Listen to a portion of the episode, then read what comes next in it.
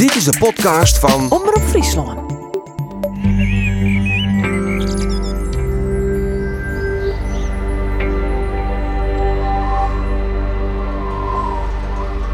Dit is Beklimmers, de podcast. Is het platteland ta on een nij verhaal? In elk geval zit dus maatschappij voor een soort verorings en waarom zou het platteland daar net in voorop rennen kennen, vregen we zo. In de regen beklimmers van het vlakke loon geven we op ziek naar die vooroprenners, de vernijende ideeën en initiatieven. En eh, aflevering 8 gaat over zinjouwing of bezinning. Bart Kingma, door haar praat met Joke Hermsen. Ja. Eh, waar is zij? filosoof. Ehm, en eh, wij gingen naar Hatta omdat zij eh, een aantal boeken schreven had en daar een soort oerwit oer ehm, de stilte en de rest en wat dat betekent van mensen. En eh, op platteland roepen we heel vaak eh, alle keer ehm, de rust en de romte dat die zo goed is voor u. En iedereen voelt dat ik, iedereen ervaart dat ik van ja rust en romte dat vinden we belangrijk op platteland. Maar we dachten van, we willen daar eens een keer wat meer lading aan, Jan, aan dat begrip. Eh, wat, wat, wat is dat dan, die rust en die romte? En wat doet dat dan mooi die? En waarom is dat belangrijk? Nou ja, dan mag je eigenlijk bij Joke Hermsen wezen, want die had er boeken over en die had er heel goed aan nagedacht. En Joke Hermsen, die onderskiert de tijd in eh, die had die had de uh, verbinding lijn met uh, de oude Griekse uh, goden en die had het over Chronos en Kairos en dat is heel erg interessant. Chronos is de god van de klok, zeg maar, de de de de, de, de nou ja, de secondenwijzer die dit Ja. alle dagen hetzelfde, in hetzelfde tempo gaat.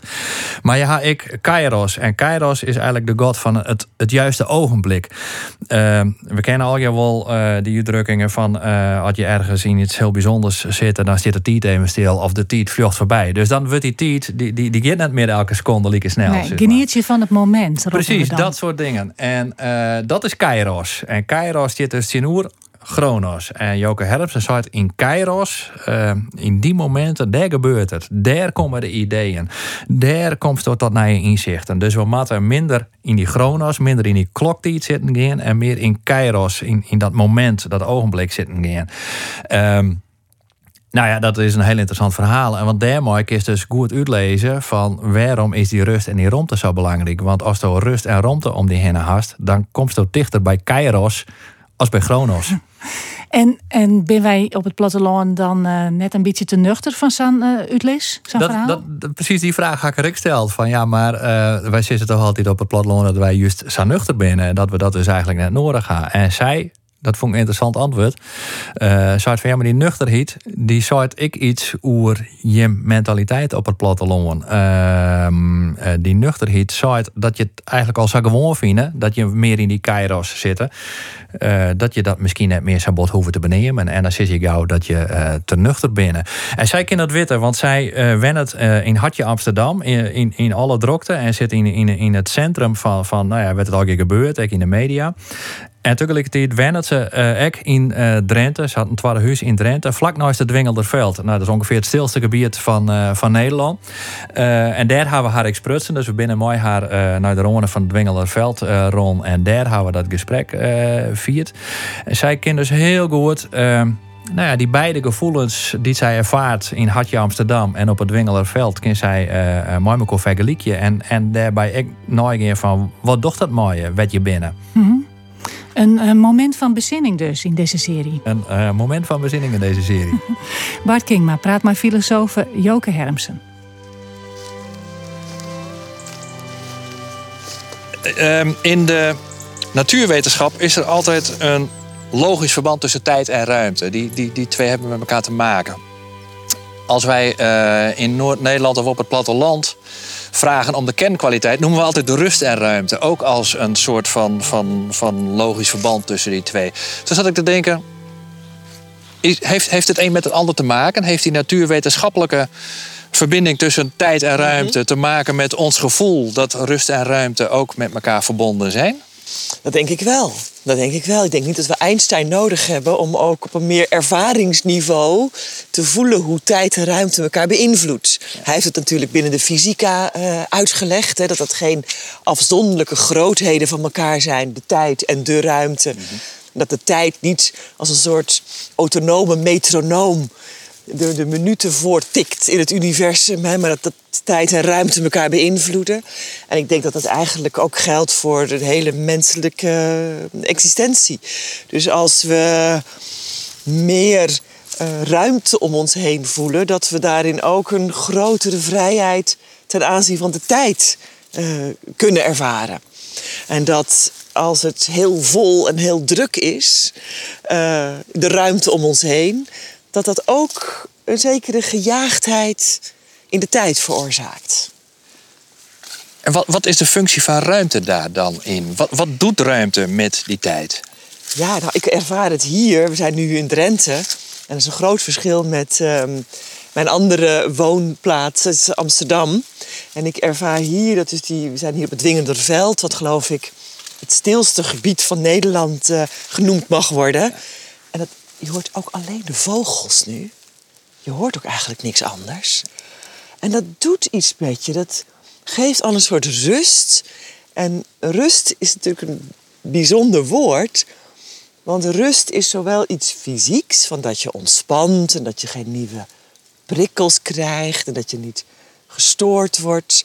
Maar rust heeft ook iets met beweging van doen. Dat er dus minder beweging is. Ja, ja. En beweging is de maatstaf van de tijd, zoals Aristoteles dat uh, aan ons heeft uitgelegd. Dus ja, die rust die je hier voelt, die heeft zowel een ruimtelijk als een tijdelijk aspect. Uh, ja, ik, ik snap hem. maar ik ben er nog niet. Mm -hmm. is het dan zo, is het dan heel simpel zo, hoe meer ruimte, fysieke ruimte je hebt, dat je automatisch in een rustiger modus, modus komt? Nou, dat, ik denk niet dat het automatisch zo is. Um, maar is het een voorwaarde? Nou, kijk, het ligt natuurlijk heel erg aan de, de, de kwaliteit van de, van de ruimte. Als het een ruimte is die, die, ja, die vol rumoerige objecten, zal ik hem zeggen. Uh, of, of zinloze objecten. Of, of, nou ja, dan zal het een andere, een andere impact hebben. Uh, de ruimte waar ik het nu specifiek over heb, die ontspannend kan werken of die de tijd kan doen vertragen of in ieder geval dat jachtige karakter er vanaf kan halen, ja, dat is toch wel dit soort ruimte. Dit soort ja, lege ruimte, natuur. Uh, dan voel je heel goed hoe die aan je nou ja, de ontspanning kan bijdragen. Ja. Nou voelen we allemaal... Maar als je mij bijvoorbeeld op een, als je mij uh, dezezelfde ruimte en dan in een industriegebied tussen de, zal maar zeggen, de grote, hele grote supermarktketens in met parkeerplaatsen. Met, ja, dan, dan, dan, dan komt die rust bij mij persoonlijk uh, niet binnen. Nee. Dan, dan gaat eigenlijk die vereconomisering van die tijd die ik dan chronos heb genoemd in mijn, dat, dat gaat daar eigenlijk ook door. Dus het is een bijzondere wisselwerking tussen uh, een vertraging in de tijd en een soort ja, openlaten of misschien onberoerd laten van de ruimte. Terwijl als je die weer, nou ja, volstopt met onze moderne gebouwen en noodzakelijkheden, dan verliest hij zijn, ja, zijn, zijn, zijn inspirerende werking, lijkt het wel. Dan breng je ook weer een, een tijd in die ruimte. Ja, als je, ja. ja natuurlijk. Ja. Nou, nou, zijn we ons allemaal wel ergens natuurlijk bewust van uh, uh, rust is goed voor ons. Uh, het hoofd leegmaken, tot jezelf komen. Dat soort begrippen, die kennen we allemaal. Maar op een of andere manier hoor ik nooit zo vaak mensen die, die dat beter kunnen definiëren. Waarom is dat, dat, dat uit die tijd treden zo belangrijk voor ons?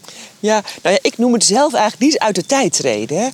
Um, want dat, daar geloof ik eigenlijk niet in. Ik geloof niet dat wij uit de tijd kunnen treden en dan toch nog iets kunnen ervaren.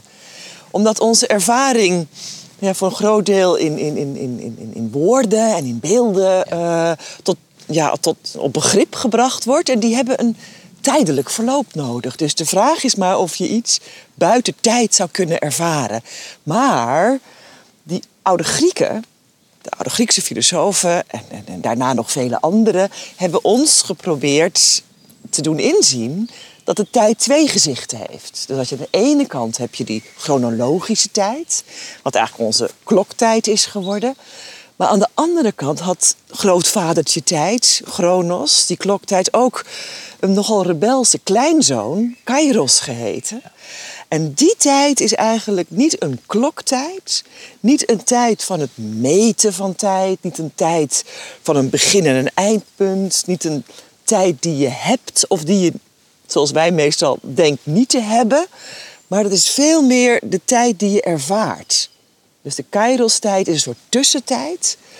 Als je eigenlijk een intermezzo neemt, een, een time-out van Chronos en al die, ook die, al die economie die met die Chronos samenhangt.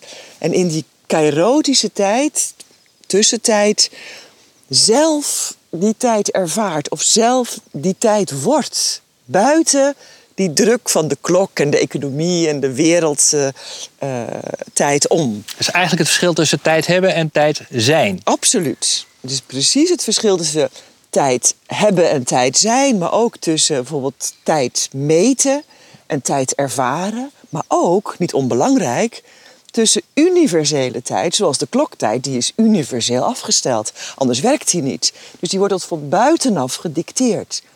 Dat is wel iets wat van buiten weer tot je komt. Terwijl die innerlijke tijd, die kairos-tijd, die, ervaart, die komt van binnenuit. Dus die tijd heeft twee gezichten en vormen samen een balans tussen innerlijk en uiterlijk. Tussen hebben en zijn, tussen meten en ervaren en tussen universeel en particulier persoonlijk. En waar het om gaat is wat Kairos als attribuut in zijn hand heeft, dat is een weegschaal, is dat wij mensen proberen om die chronostijd en die kairos-tijd als het ware in balans te houden. Als we die twee gezichten van de tijd door voldoende rust te nemen, voldoende van die time-out van chronos in te bouwen en ook een beetje aan het kairotische toe te komen, als wij in balans zijn, ja, dan, dan, dan, dan, dan is de maatschappij ook meer in balans. Dan, komt de hele wereld wat meer tot rust. Dan raken we allemaal wat minder snel op drift of geagiteerd. Of dan komt er een, treedt er een soort evenwicht uh, in de samenleving die volgens mij uh, heel, heel gunstig uh, kan zijn. Volgens mij zegt u in uw boeken zelfs niet alleen dat hij gunstig is, maar dat hij essentieel is om ons te kunnen ontwikkelen. Ja, ik zei het wat bescheiden. maar ik geloof inderdaad eh, dat ik uh, iets minder bescheiden moet zijn over dat, uh, dat evenwicht wat je tussen Chronos en Kairos zou moeten nastreven als mens en als maatschappij, omdat mm, het eigenlijk gewoon mijn eigen ervaring is. En wat hebben we nodig op dit moment van de geschiedenis? Hebben we toch echt nodig dat we het over een andere boeg gaan gooien. Dat we een andere koers gaan varen. Dat we proberen met nieuwe oplossingen te komen voor die grote problemen op klimaatgebied, grondstoffen, uh, economie, migratie, noem het maar op. En daarvoor, om dat nieuwe, die nieuwe oplossingen te kunnen verzinnen, heb je, en ook dat leren de oude Grieken ons eigenlijk, ja, een periode van rust nodig die tot dat equilibrium waar ik net over sprak. Dat evenwicht. Dat evenwicht leidt. Dus met andere woorden, we hebben voordat we zelf weer in balans raken tussen al die polen die ik net genoemd heb, hebben we een periode van stilte, rust nodig om dat voor elkaar te boksen. Uh, we kunnen het niet al voortjagende um, denken dat we de juiste oplossingen kunnen vinden. De Grieken noemen dat scholle. Dat is een interessant begrip, vind ik. Want scholle betekent eigenlijk niets doen. Of schollaat zijn het werkwoord. Dus niets doen, past op de plaats, even wachten, even niks willen, niet hoeven presteren, niet concurreren. Al die dingen die van ons natuurlijk in het Westen veel gevraagd worden, even laten voor wat ze zijn. Diep ademhalen, om je heen kijken, wachten. Wachten is niet zo makkelijk meer voor de, West, voor de westerse mens. Terwijl wachten eigenlijk pas leidt tot een juiste aandacht die je tot dat nieuwe kan leiden. Dat zie je in het Frans heel mooi, hè? In het Frans is wachten attendre. En aandacht is attention. Dus je ziet daar een heel mooi ezelsbruggetje. Dat je eerst moet wachten voor je die aandacht kan focussen die je nodig hebt om dat nieuwe kunnen verzinnen. Dus scholen, niets doen, is een voorwaarde om tot die nieuwe oplossingen uh, te komen, dus nieuwe inzichten te komen. Daarom schreef Plato al dat eigenlijk uh, je niks nieuws kunt leren als je niet eerst die rust of dat niets doen in acht neemt. Het woord school is van dat begrip scholen, niets doen, wachten enzovoort afgeleid.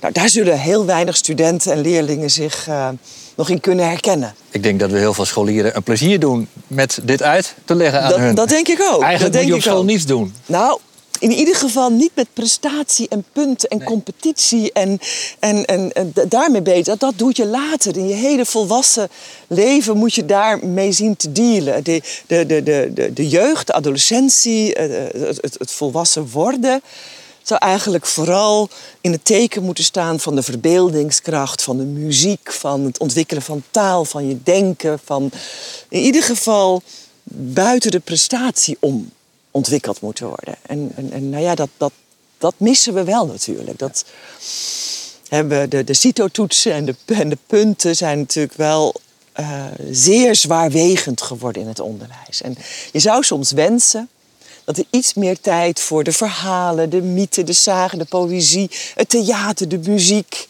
En ja, als je dat dan niets doen noemt, dat, dat, dat daar meer tijd voor zou komen. Hebben wij uh, in het Westen ook een ingewikkelde verhouding met tijd, doordat we die zo, zo lineair hebben gemaakt. Van mhm. dit is nu en dat is morgen, dat is overmorgen.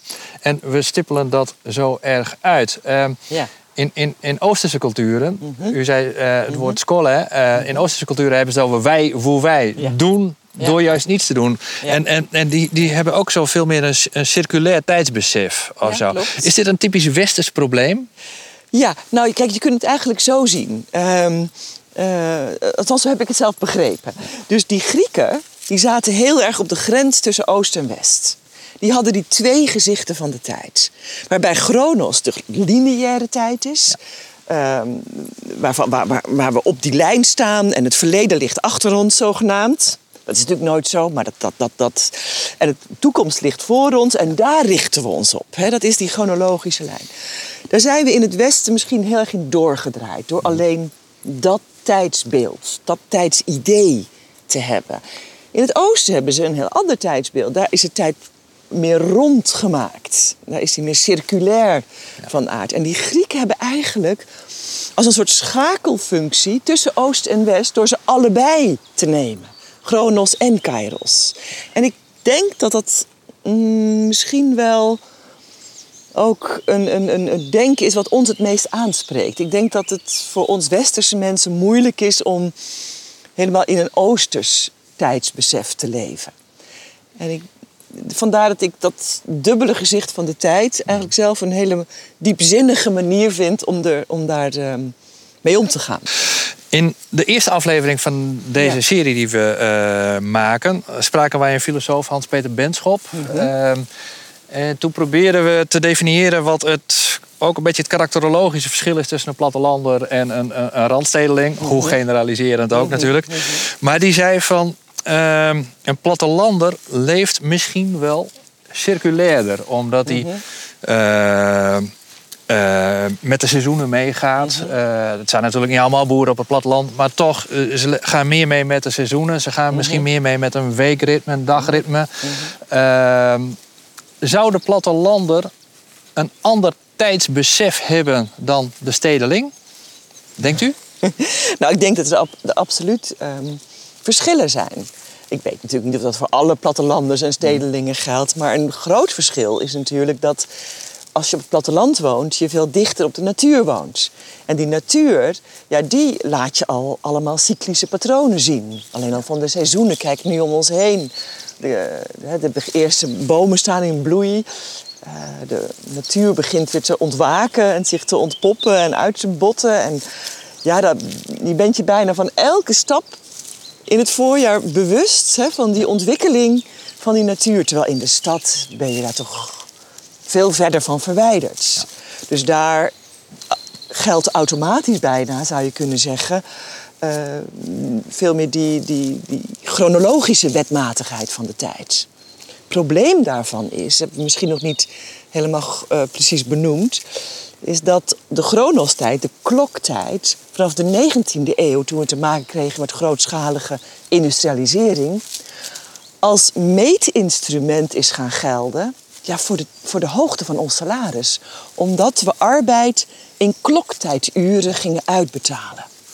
Nou, vanaf dat moment, dat kan iedereen natuurlijk eh, begrijpen, gingen de, de, de, de, de fabriekseigenaren en werkgevers beknibbelen op het aantal gemaakte uren en kwam daar als het ware een gespannen voet tot die chronologische tijd.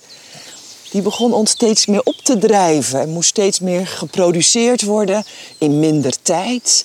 Die chronologische tijd die op zich niet dat jagerige had, werd dat wel door die druk van de economie. Tijd werd geld, zeggen we dan. Ja. En dat is iets waar de stedeling meer last van heeft, omdat hij iets minder de mogelijkheden krijgt, zou je kunnen zeggen, om die kairotische tijd eh, op te zoeken, die als het ware in die natuur wat meer voorhanden is. Maar in mijn laatste boek probeer ik misschien daarom in ieder geval ook de, de, de, de stedeling wat de hand te reiken. Omdat naar mijn idee niet alleen de natuur, maar ook alles wat met kunst en cultuur te maken heeft. Verhalen, mythes, zagen, poëzie, muziek. Dat zijn allemaal vertellingen waarin zowel Chronos als Kairos een rol speelt. Dus met andere woorden, als je in een grootstedelijke omgeving woont en werkt en behoorlijk die druk van die kloktijd voelt en van die economie en van dat moeten presteren, dan kan de muziek of een toneelstuk, een museum, een expositie je als het ware aan de hand dat Kairos-interval binnenleiden. Ja. Zodat je ook als stedeling weer in staat wordt gesteld om die noodzakelijke Ja. balans tussen die beide gezichten van de tijd weer op orde te krijgen. Ja. Want als dat niet gebeurt, dan sla je als het ware door op die weegschaal. En dan raak je ja, een chronisch vermoeid iemand die eigenlijk niet meer tot die balans kan komen en daarbij, niet onbelangrijk om te vermelden, ook steeds meer van dat innerlijk vervreemd raakt. Immers, we hebben net gezegd dat de kloktijd een tijd is die je van buitenaf wordt verteld.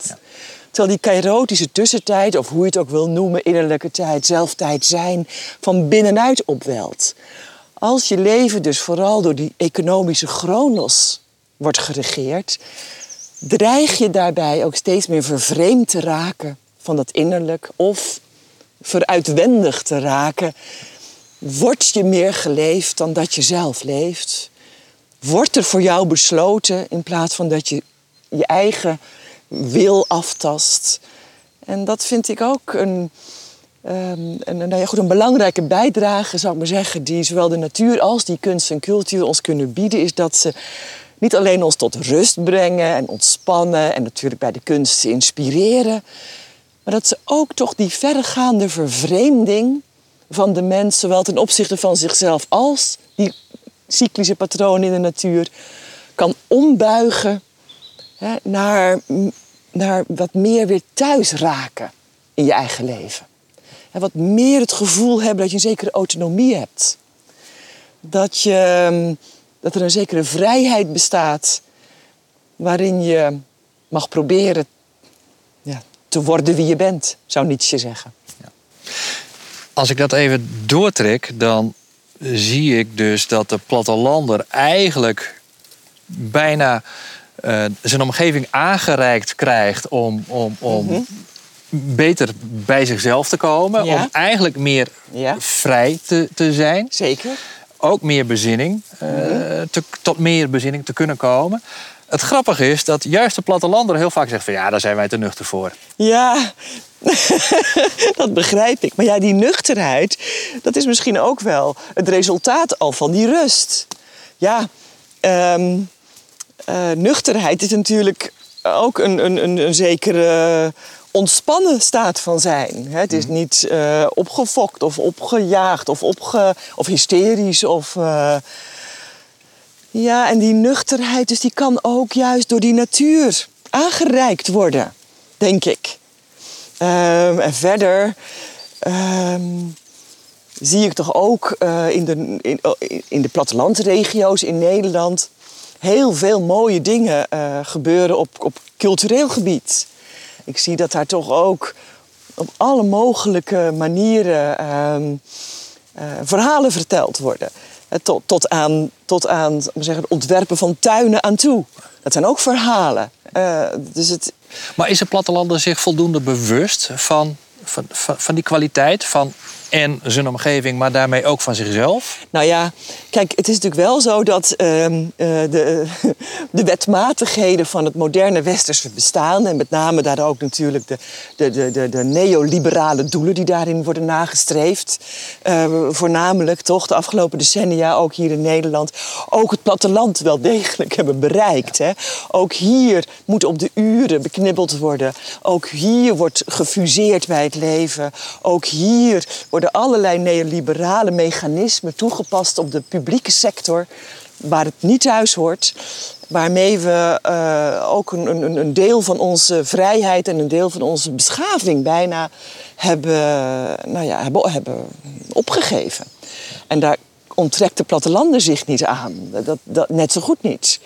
Um, misschien zou je wel kunnen zeggen, is de mate van rust die er op het platteland nog heerst, en de mate van in contact staan met nou ja, die andere tijd dan de chronos, dan, de, dan, de, dan het tijd is geldprincipe. Misschien dat hij daardoor um, nou ja, wel uh, gemakkelijker te motiveren is om eens wat beter na te denken over de, de, de, lange termijn, bijvoorbeeld.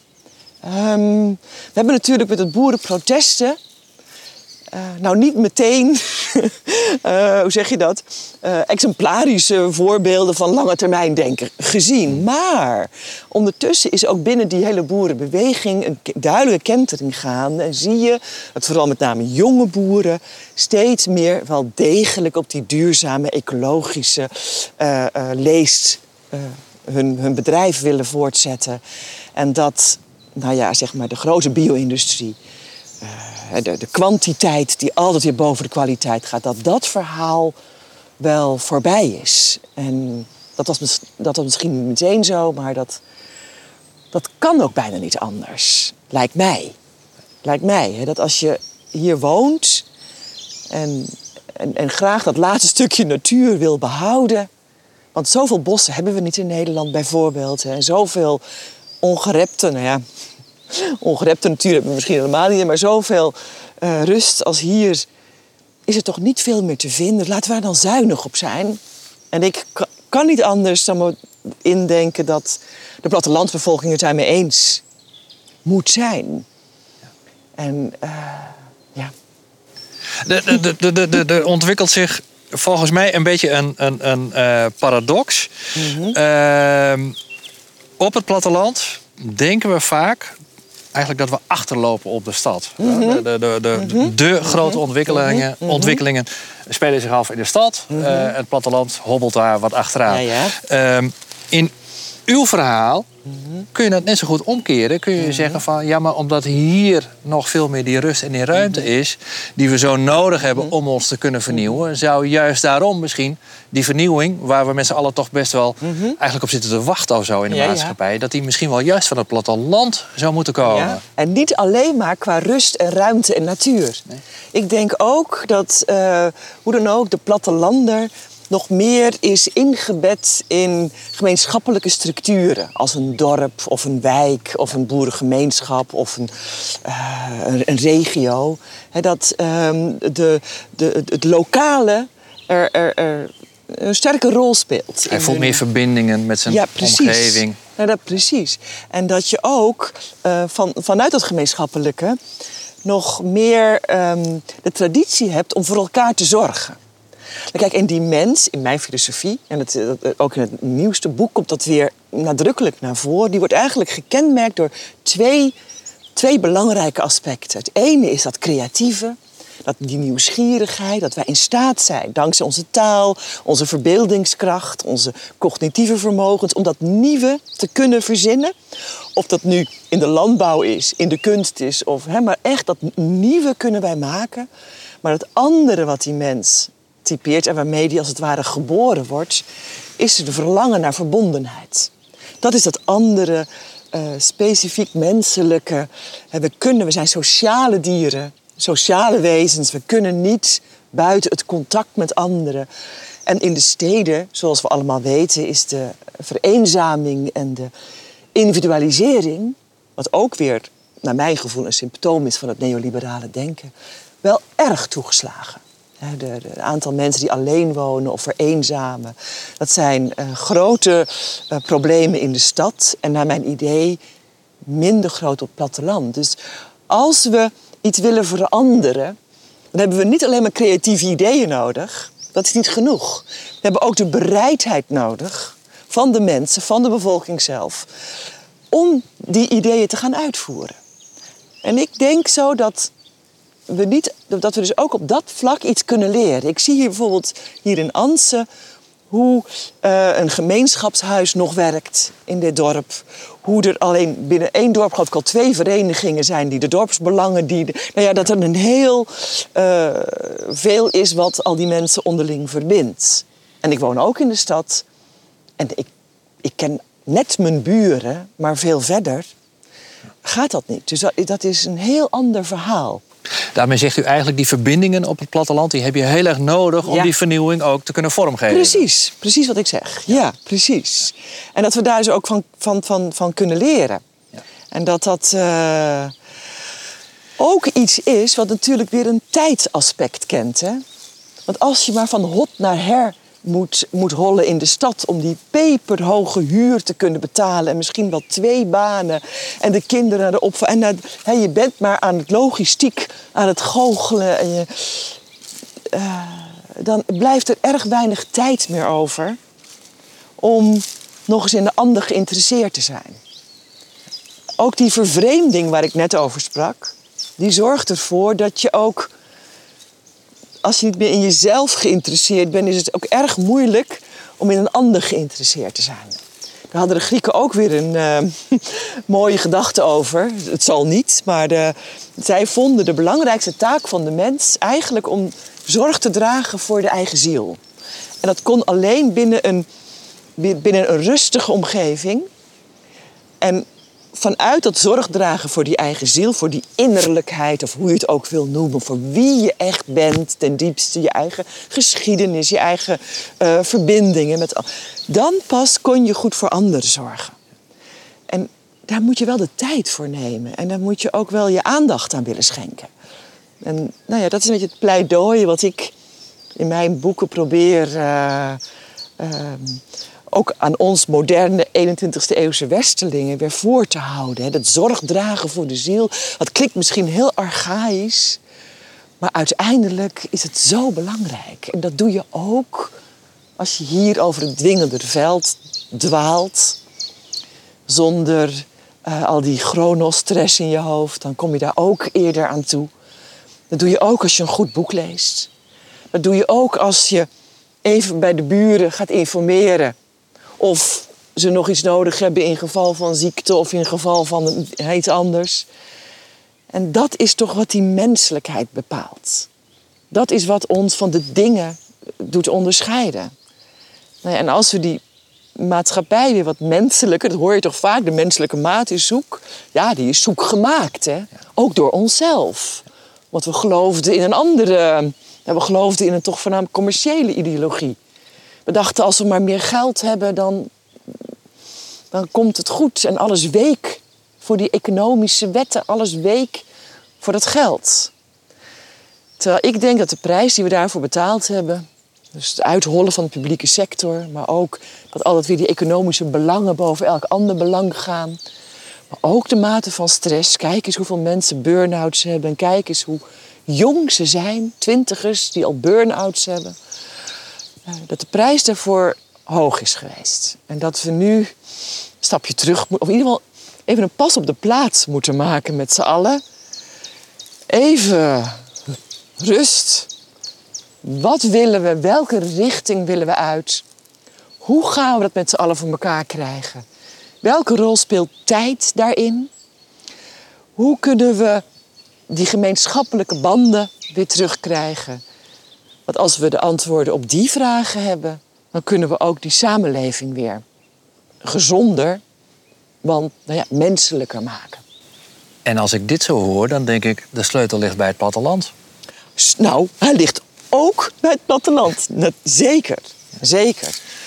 Ja, kijk, ik, ik kan bijna wel zeggen dat ik zelf daar een voorbeeld van ben. Als ik niet regelmatig naar het platteland ga, maar, maar in die stad blijf rondpresteren, als het ware, dan kom ik ook niet toe aan die ideeën voor een nieuw essay of voor een nieuw boek. Dus het is. Ik ben zelf eigenlijk de belichaming van die theorie. Als ik niet bij tijd en wijlen me terugtrek uit de hectiek van de stad, dan lukt het mij eigenlijk niet om op het spoor te komen van wat ik nu moet gaan schrijven of nu moet gaan denken. Maar wat ook geldt, is dat ik met datgene wat ik hier dan heb geschreven en bedacht, ook weer in de wereld van de stad moet terugkeren, omdat ik ook uh, sterk geloof in een politiek aspect van mijn schrijven. En ik wil het graag met de mensen daarover hebben. Dus ik wil debatteren. En dat doe ik niet alleen in de stad, dat doe ik eigenlijk in bibliotheken, literaire cafés, uh, podia door het hele land. En uh, nou goed, dat is bij mij persoonlijk is dat een belangrijk aspect. Ik wil nog één ding weten. Nog maar één? nog maar nou, één ding. Nee. Ja, ja, ja. Nee, um, ik vind het echt een mooi verhaal. Wat u vertelt. Ja. Maar ik probeer dat ook te koppelen aan toch iets van een kloof die we Mhm. in toenemende mate zien tussen platteland en stad. Dat de plattelanden Mhm. zich eh, niet erkend voelt of niet begrepen voelt. Mhm. Eh, soms wat in de reactionaire modus gaat. Mhm. Hoe, hoe, hoe moet dat overbrugd worden voordat dat platteland die sleutelrol kan oppakken? Ja, dat is een hele goede vraag. Ik denk dat we daar de eerste eh, eh, mogelijkheden al, al nou ja, in, in schetsmatige vorm van zien. Dat is trouwens altijd zo. Hè. Je kunt nooit iets verzinnen als niet de mogelijkheid al bedekt in het heden eh, verscholen ligt. En dat is volgens mij ook met dit zo. Het is eigenlijk een onderwerp wat ik bespreek in het voorlaatste essay Tijkeren met Roos Luxemburg en Hannah Arendt. Waarin zij beide, deze grote politieke denkers, een ehm, pleidooi houden om de, ja, de parlementaire democratie aan te vullen met wat zij noemen burgerraden, burgerburraden of volksraden. Waarom? Omdat die parlementaire democratie nu helemaal de neiging heeft om oligarchische trekjes te vertonen. Dat wil zeggen, een handvol volksvertegenwoordigers zijn de enige die politieke beslissingsbevoegdheid hebben. Die echt mogen bepalen welke ideologie ze aanhangen, welke keuzes ze maken, of ze liegen of de waarheid spreken, of ze kritische uh, parlementariërs waarderen of niet, enzovoort, enzovoort. En dat is te weinig. Hè? De bevolking die dan maar eens in zoveel jaar een, een stembiljet mag, volk, een streepje mag zetten, een kruisje mag zetten, is te weinig om echt aan je politieke vrijheid vorm te geven. En die parlementaire democratie die behoeft ook nog een ander instrument omdat ze anders de neiging heeft heel erg in electorale politiek en machtspolitiek van de partijen onderling uh, te verzanden. Vandaar die volksraden. Hoe werkt het? Het is vrij eenvoudig. En um, uh, het, het, volgt een beetje het Anglo-Saxische uh, juridische systeem. Dat je met loting een jury samenstelt. Dus je kunt je voorstellen dat je eens in de vijf jaar hoef je niet alleen maar het vakje uh, van het stembiljet uh, te kleuren, maar word je ook opgeroepen om eh, deel te nemen aan een denktank, een burgerberaad, een volksraad. Dat deden Maar- de oude Grieken toch ook al? De oude Grieken deden het ook al. Ehm, daar waren het eh, eh, de belastingbetalende burgers die daar alleen zitting in mochten nemen. Dus die, daar, daar vielen ook nogal wat mensen buiten de boot. Maar in- als je het in, in het Nederland van nu zou doen, dan zou dat echt een representatieve steekproef vanwege die loting eh, betekenen. En zou daar werkelijk Nederland in heel zijn pluraliteit, stad en platteland, ehm, nou ja, arm en rijk, hoog en laag opgeleid, eh westers en niet-westerse achtergrond samenkomen om dan eindelijk eens dat gesprek over die wereld te gaan voeren. Om dan eindelijk eens te mogen zeggen wat je er allemaal niet aan zint. Maar ook om te gaan zeggen hoe je het beter georganiseerd zou zien. Maar ook om überhaupt die anderen, waarover je misschien allerlei vooroordelen hebt, leert kennen. En dat je merkt dat zodra je een gesprek voert met iemand, al is die nog zo verschillend, dat er toch veel meer is wat ons mensen verbindt dan wat ons scheidt. En daar kun je in die burgerberaden achterkomen. En je wordt een paar dagen over een belangrijke kwestie geïnformeerd. Je krijgt er gewoon voor betaald. Je mag vrijnemen van je werk. Je doet daar tal van nieuwe ervaringen op. Je voelt je betrokken. Dat is natuurlijk met de, nou ja, zoals u het noemt, reactionaire eh, groepen in Nederland. eh, een- een van hun motieven, dat ze zich niet gehoord voelen. Dat ze denken dat hun belangen niet vertegenwoordigd worden. Dat ze niet meer meedoen. En als ze daar in die burgerberaden zitting nemen... dan, ja, dan kan ook daar hun betrokkenheid uitspreken hun, hun, en hun gedeelde verantwoordelijkheid. En dan worden ze gehoord. Dat is een groot probleem. Dat zoveel mensen zich niet gehoord of vertegenwoordigd voelen. Dat moeten we serieus nemen. Ik denk dat heel veel tegenstemmen. Hè, dus je gaat maar op een paar, op een paar eh, malotige jongen stemmen, zal ik maar zeggen. Dat doe je omdat je denkt, het maakt toch niet uit. Ik heb toch niks te zeggen. Ze luisteren toch niet naar mij. Dus dan stem ik maar op een of andere, eh, een of andere grapjanus. En ik denk dat we die politieke vrijheid moeten koesteren, maar dat we die ook moeten verdelen.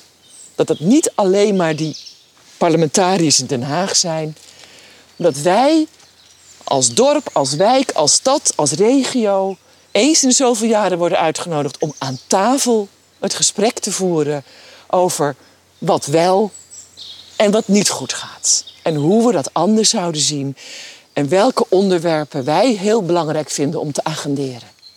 En dan krijg je ook met dat instrument, daar ben ik blij dat je die vraag stelde, ook weer die mogelijkheid om aan die menselijkheid van die samenleving te werken. Want we hebben immers vastgesteld dat die uit twee belangrijke componenten hè, bestaat. Dat nieuwe kunnen verzinnen, die nieuwe oplossingen, die creativiteit en nieuwsgierigheid. Kunnen leren en verzinnen. Maar anderzijds is dat het verlangen naar verbondenheid, naar gemeenschappelijkheid. Nou, en zo'n burgerberaad, zo'n volksraad, zo, doet natuurlijk heel erg dat gemeenschapsgevoel een mooie impuls geven. Daar is dat zo belangrijk, ook filosofisch gezien. Hè? Dat, daar kan weer recht worden gedaan aan dat verlangen naar verbondenheid, waardoor mensen zich eigenlijk weer meer als mens gezien worden. En niet als economisch schakeltje alleen in een gigantisch productieproces, waarvan uiteindelijk de winsten maar in heel weinig zakken terechtkomen. Laten we dat vooral niet vergeten. Dat het sociaal-economische onrecht, zeker als je het wereldwijd bekijkt, nou ja, toch niet iets is waar we trots op kunnen zijn. En dat we ook in Nederland zien, en ook in het verschil platteland en, en stad, en dat die sociaal-economische ongelijkheid ook daar steeds meer eh, orde, eh, aan de orde van de dag is. Grote problemen, maar we zijn mensen, we hebben verbeeldingskracht, we hebben creatief bewustzijn, we, hebben, we kunnen veel meer samen.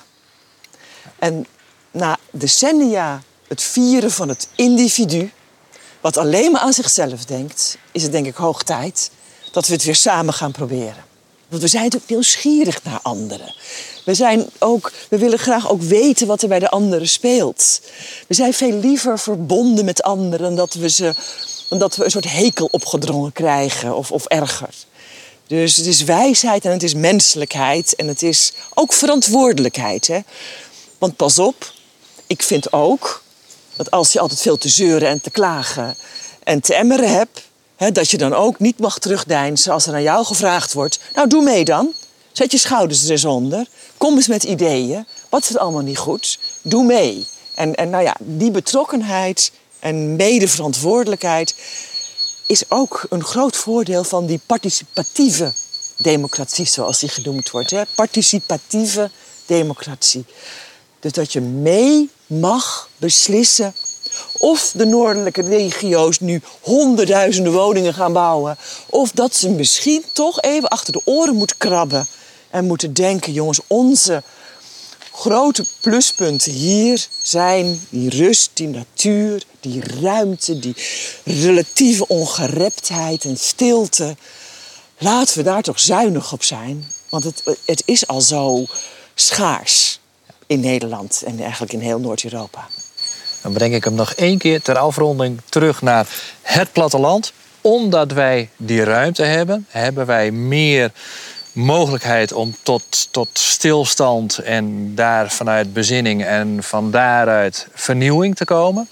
Omdat wij op het platteland die verbindingen ook hebben, dus vernieuwende ideeën ook kunnen uitvoeren met z'n allen. Ja.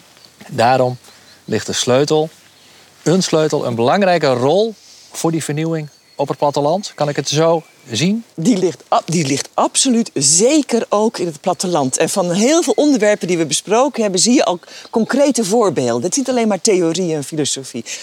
Uh, ja, die ligt daar en die ligt er zelfs, die sleutel, niet alleen, dat is het interessante, niet alleen voor de plattelandsbevolking zelf. Ze kunnen ook diezelfde sleutel aan al die oververmoeide stedelingen die hier komen uitrusten, van de natuur komen genieten. Die hier, nou ja, ook de recreatieve uh, uh, industrie gaande houden. Ze kunnen die sleutel ook nog eens doorgeven aan iedereen die hier op bezoek komt. Ook daarom is het belangrijk dat ze dus, um, nou ja, daarvoor heel breed maatschappelijk gezien een bijdrage kunnen leveren. Naar mijn idee. Dankjewel.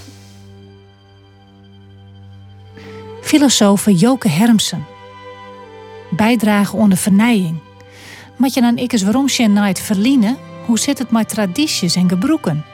Zitten die de vernijing in paard?